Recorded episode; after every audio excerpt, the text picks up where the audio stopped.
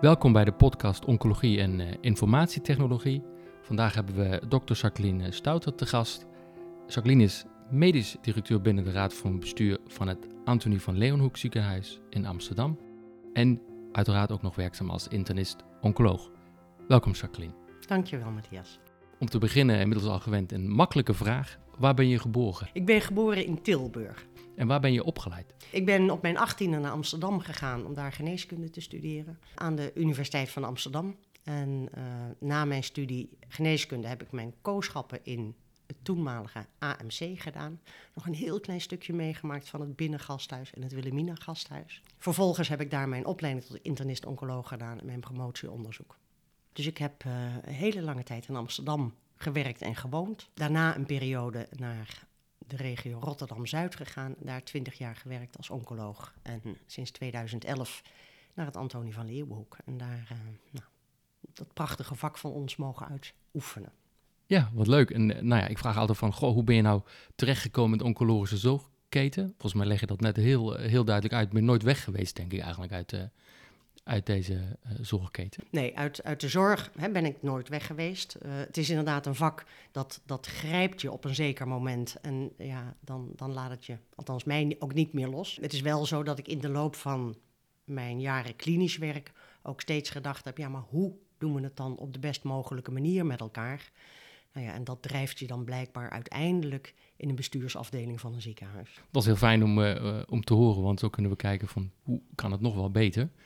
Zeker dat heel veel mensen heel zwaar werken om, het, uh, om goed werk te leveren. Als je zo kijkt, wat, met name richting informatieuitwisseling, wat verbaast je dan eigenlijk het meest? Ja, als we het hebben over um, informatieuitwisseling sinds de komst van de digitale technieken daarin, of misschien moet ik beter meer zeggen, de automatisering, denk ik dat we een aantal uh, dingen opgelost hebben. De dossiers zijn nooit meer kwijt. Hè? Ik loop dus al een poosje mee en, en dat was echt wel een issue. Ja, dat was een afdeling haast voor om dossiers te zoeken in ziekenhuizen. Precies, precies. En die bleven dan bij dokters ergens achter op een stapel liggen omdat er nog gedicteerd moest worden. Nou, dat probleem hebben we opgelost met elkaar. Onleesbare handschriften hebben we ook opgelost met elkaar. Maar wat mij verbaast is en daarom noemde ik die woorden net. We hebben wel geautomatiseerd, maar we hebben eigenlijk niets of vrijwel niets gedigitaliseerd.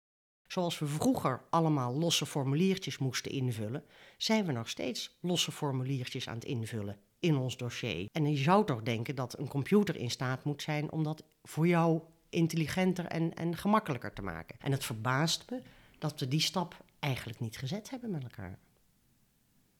We hebben eigenlijk ook nog vrijwel niets gedaan in beslisondersteuning. Terwijl ook daar zo'n systeem technisch gezien volgens mij volledig voor toegerust zou kunnen worden. En als je dan kijkt naar die, naar die twee punten, hè, dus uh, beslisondersteuning in echt digitaliseren. Mee eens dat daar nog heel veel werk in te doen is. En als je terugkijkt de afgelopen vijf jaar, wat is er daarin wel al veranderd waar je zegt, nou, dat is misschien wel op de goede weg. Of dat zijn pogingen om het voor elkaar te krijgen. Wat ik binnen het Antonie van Leeuwenhoek zie gebeuren. Wij maken gebruik van het systeem van Chipsoft. Als ik praat over Chipsoft en aan mensen moet uitleggen hoe dat is, dan zeg ik: je hebt Lego en Duplo en je hebt technisch Lego. Technisch Lego kun je vergelijken met alles van Apple, waar wij dagelijks gebruik van maken. En Chipsoft is een beetje het niveau Duplo en Lego. Het zijn hele eenvoudige systemen waar je overigens best veel mee kunt bouwen. En van die laatste functie hebben een aantal hele knappe dokters bij ons in het ziekenhuis gebruik gemaakt. En die hebben gezegd: ja, weet je, het zijn misschien eenvoudige bouwstenen.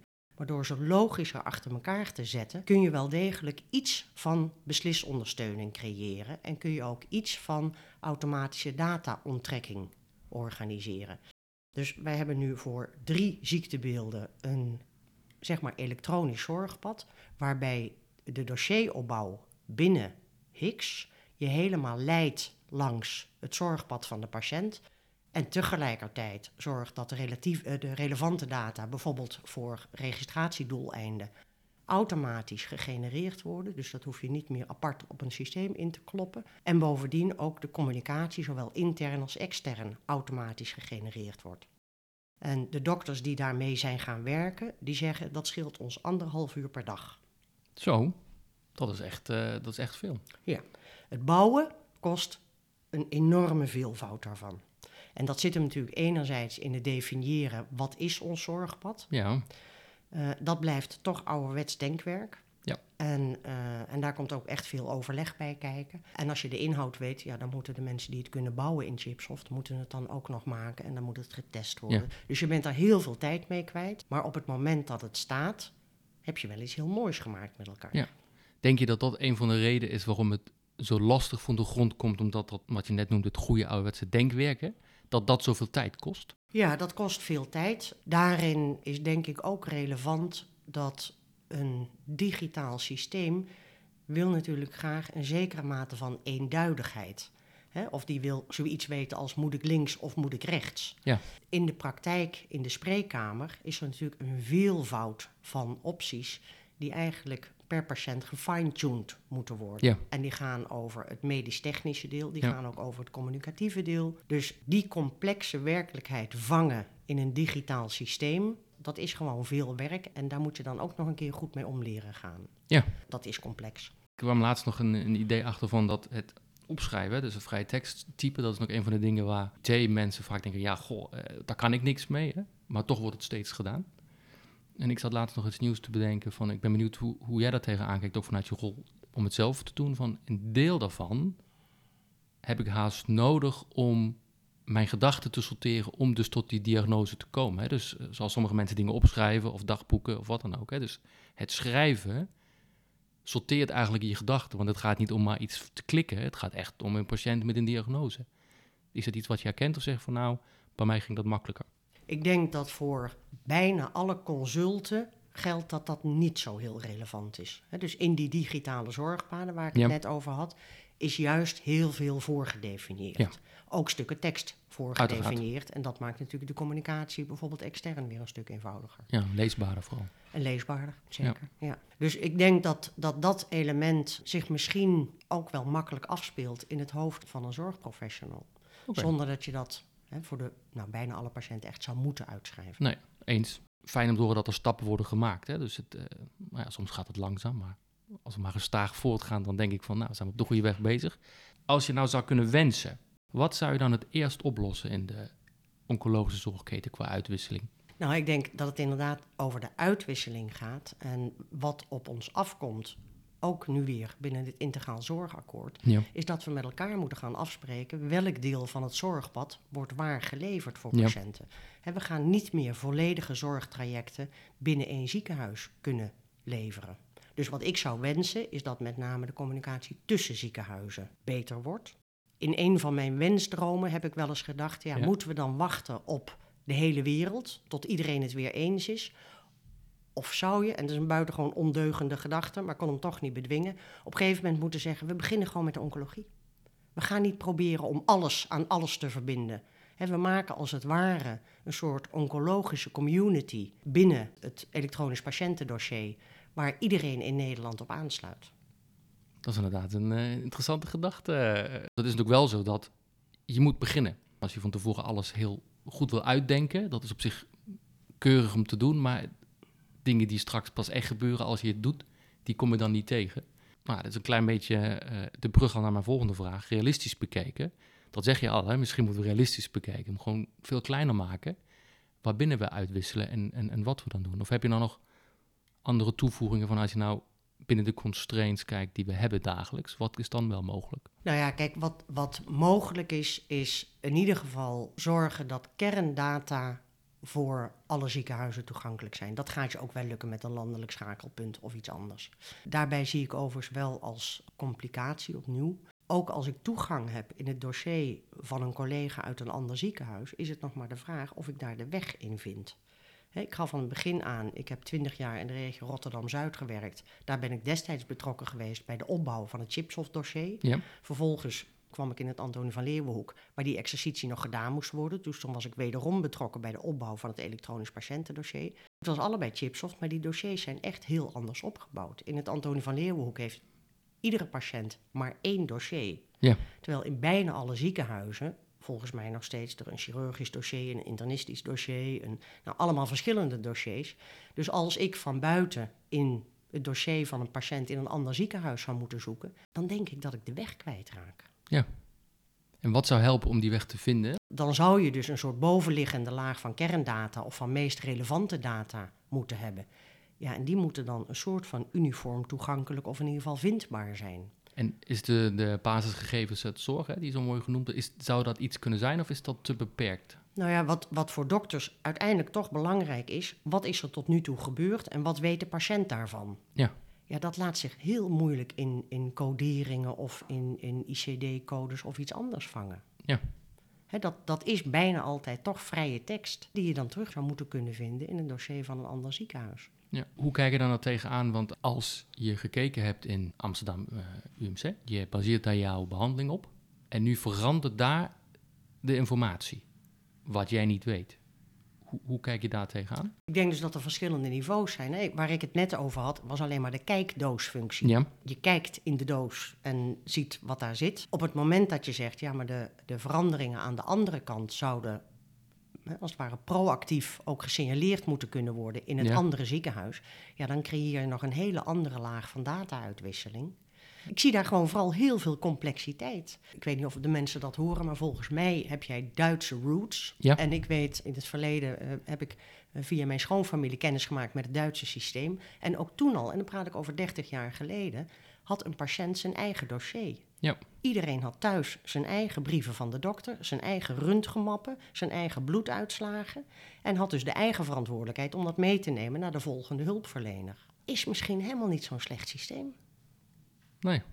Nou, de PGO ging natuurlijk een beetje die, die, die kant op, hè, van kun je je eigen gegevens verzamelen. En ik denk wel dat discussie van, ja, maar niet iedereen kan dat. Maar goed, iedereen moet toch ook zijn belasting betalen. Dat is ook de verantwoordelijkheid van jou, ook voor mensen die dat misschien moeilijk vinden. En hoe help ik dat? Dus daar zit misschien wel iets van een eh, idee in, want anders is het, nou, wat je terecht zegt, het is buitengewoon complex om iedereen geïnformeerd te houden over alles van al je patiënten die je op een dag ziet. Want je ziet natuurlijk niet één patiënt, je ziet een heleboel. En dat, dat maakt het ook voor software designers wel eens ingewikkeld. Hè? Dan wordt het ingericht voor één patiënt, hartstikke mooi. Oké, maar hoe doe je dat met 25, 30 eh, Ja. op een dag? Hè? Nou, en, en daarbij, een, een PGO is, als ik het goed formuleer, een omgeving waar de patiënt de informatie uit de verschillende zorgcentra of ziekenhuizen naar zich toe kan halen. Ja, En nogmaals, dat ouderwetse Duitse systeem, het was alleen bij die patiënt. En dat Ja. is nog wel een andere orde grootte van organiseren. ja, ik vind het wel een interessant idee. Teruggaande was je bezig met onderzoek, hè? dus je hebt eh, ook gepromoveerd. En op de communicatiebehoeften van oncologische patiënten. Hoe kijk je vanuit deze bril naar deze vragen rondom informatieuitwisseling? Mijn, eh, mijn promotieonderzoek is van lang geleden. En dit, het, het onderzoek van de afgelopen jaren gaat met name over communicatiebehoeften in de zin van gesprekstechnieken. Op Oh ja. welke manier hè, bereik je patiënten echt? Op welke manier sluit je aan bij de communicatiebehoeften van de patiënt in het gesprek? Dat is mijn voornaamste focus geweest van, van onderzoek in de afgelopen jaren. Wat daar een, een rol bij kan spelen. En, en daar haakt dat onderzoek ook wel op aan. Ehm, we zeggen vaak, patiënten worden steeds autonomer en steeds mondiger. Voor sommige dokters, die vinden dat ook nog wel lastig. Want dan komt er een patiënt met een centimeter dik pak papier aan omdat hij zich goed ingelezen heeft van tevoren. En ik denk dat dat, dat een ontwikkeling is die we moeten versterken. Dus ik denk dat we patiënten juist nog autonomer en mondiger kunnen maken. En dat we dat ook in de communicatie terug kunnen laten komen. En je zou zelfs ook voor kunnen stellen dat je zegt: patiënten krijgen proactief informatie over datgene waar het gesprek in de spreekkamer over zal gaan, zodat die patiënt zich ook inhoudelijk kan voorbereiden voorafgaand aan het gesprek.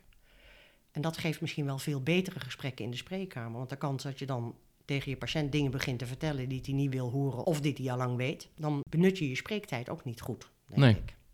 Dus ik denk dat in die zin informatievoorziening in het gesprek zich misschien ook juist kan richten op versterken van autonomie en mondigheid van patiënten om tot betere zorg te komen. Ja, dus je zegt van eh, ik kan digitalisering, automatisering ook gebruiken om dus, hè, dat geeft mogelijkheden om die informatie van tevoren te pushen. Hè, want ik weet natuurlijk wie wanneer met welke diagnose gepland is, hè, zou je kunnen eh, zeggen. Tenminste, Precies meestal zo. is dat zo. Ja.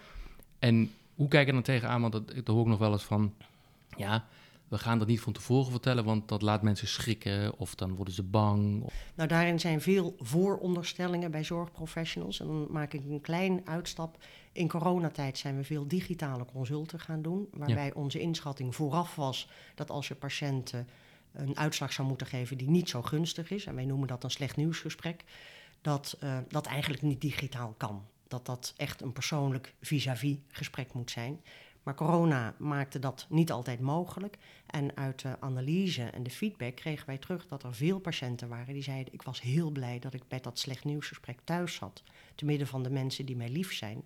En dat ik niet na afloop van dat gesprek door de hal van het ziekenhuis naar de parkeergarage hoefde lopen. Dus mag ik alsjeblieft mijn volgende slecht nieuwsgesprek digitaal? En dat was volledig tegengesteld aan wat wij gedacht hadden. Dus zoals jij zegt, je zou je daar allebei voorstellingen bij kunnen maken. We kunnen ons ook laten verrassen en dat onderzoeken met elkaar ben ik helemaal mee eens. Want ik denk dat uh, mensen die bij jullie komen, die weten al, uh, is potentieel iets aan de hand. Interessant van hoe we die, die denkkracht, of hoe kijken we er tegenaan, de, een paradigma shift haast nodig om de patiënt dus in die rol te krijgen. En om dan uh, digitaal te ondersteunen. Nou, mijn volgende gast is hoogstwaarschijnlijk iemand in de financiële kant van de oncologische zorgketen. Nou, is mijn vraag aan jou, van welke vraag heb je dan voor mijn volgende gast?